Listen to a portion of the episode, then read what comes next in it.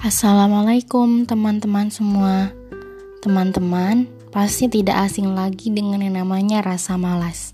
Rasa malas itu beda dengan rasa rindu yang datang tak diundang. Rasa malas itu diundang oleh diri kita sendiri. Rasa malas itu bisa datang karena kita lelah atau karena kita enggan untuk melakukan sesuatu yang akhirnya timbullah rasa malas tersebut. Dan memang rasa malas itu wajar, manusiawi. Tapi kalau dibiarin bersarang, kita tidak bisa melakukan apa pun karena rasa malas sudah mendominasi diri kita.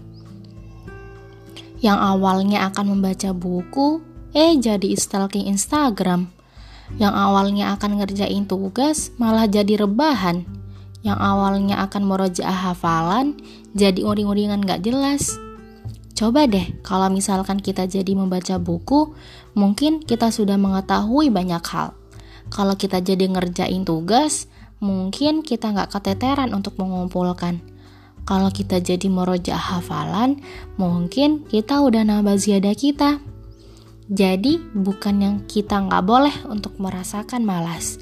Boleh, asal kita tidak terkubang untuk terus-terusan merasakannya asal kita tak terlena setelahnya. Ada banyak hal yang seharusnya kamu lakukan. Ada banyak mimpi yang harus kamu gapai. Ada banyak tempat yang harus kamu datangi dan ada banyak cita yang harus kamu raih. Mereka semua menunggumu untuk kamu rasakan.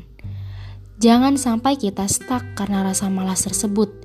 Kalau kamu ingin tujuanmu tercapai, kamu harus mempunyai tekad tekad untuk meninggalkan rasa nyamannya rebahan, tekad untuk berani berjuang, dan tekad untuk berani merasakan pahit.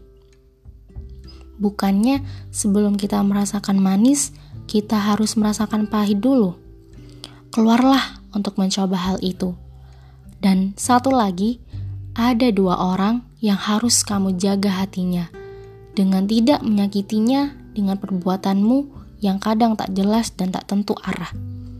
Mereka adalah orang tuamu yang rela penat demi kamu agar menjadi orang berpendidikan yang sukses dan berhasil, agar hidupmu mapan kelak. Ada mereka yang harus kamu perjuangkan.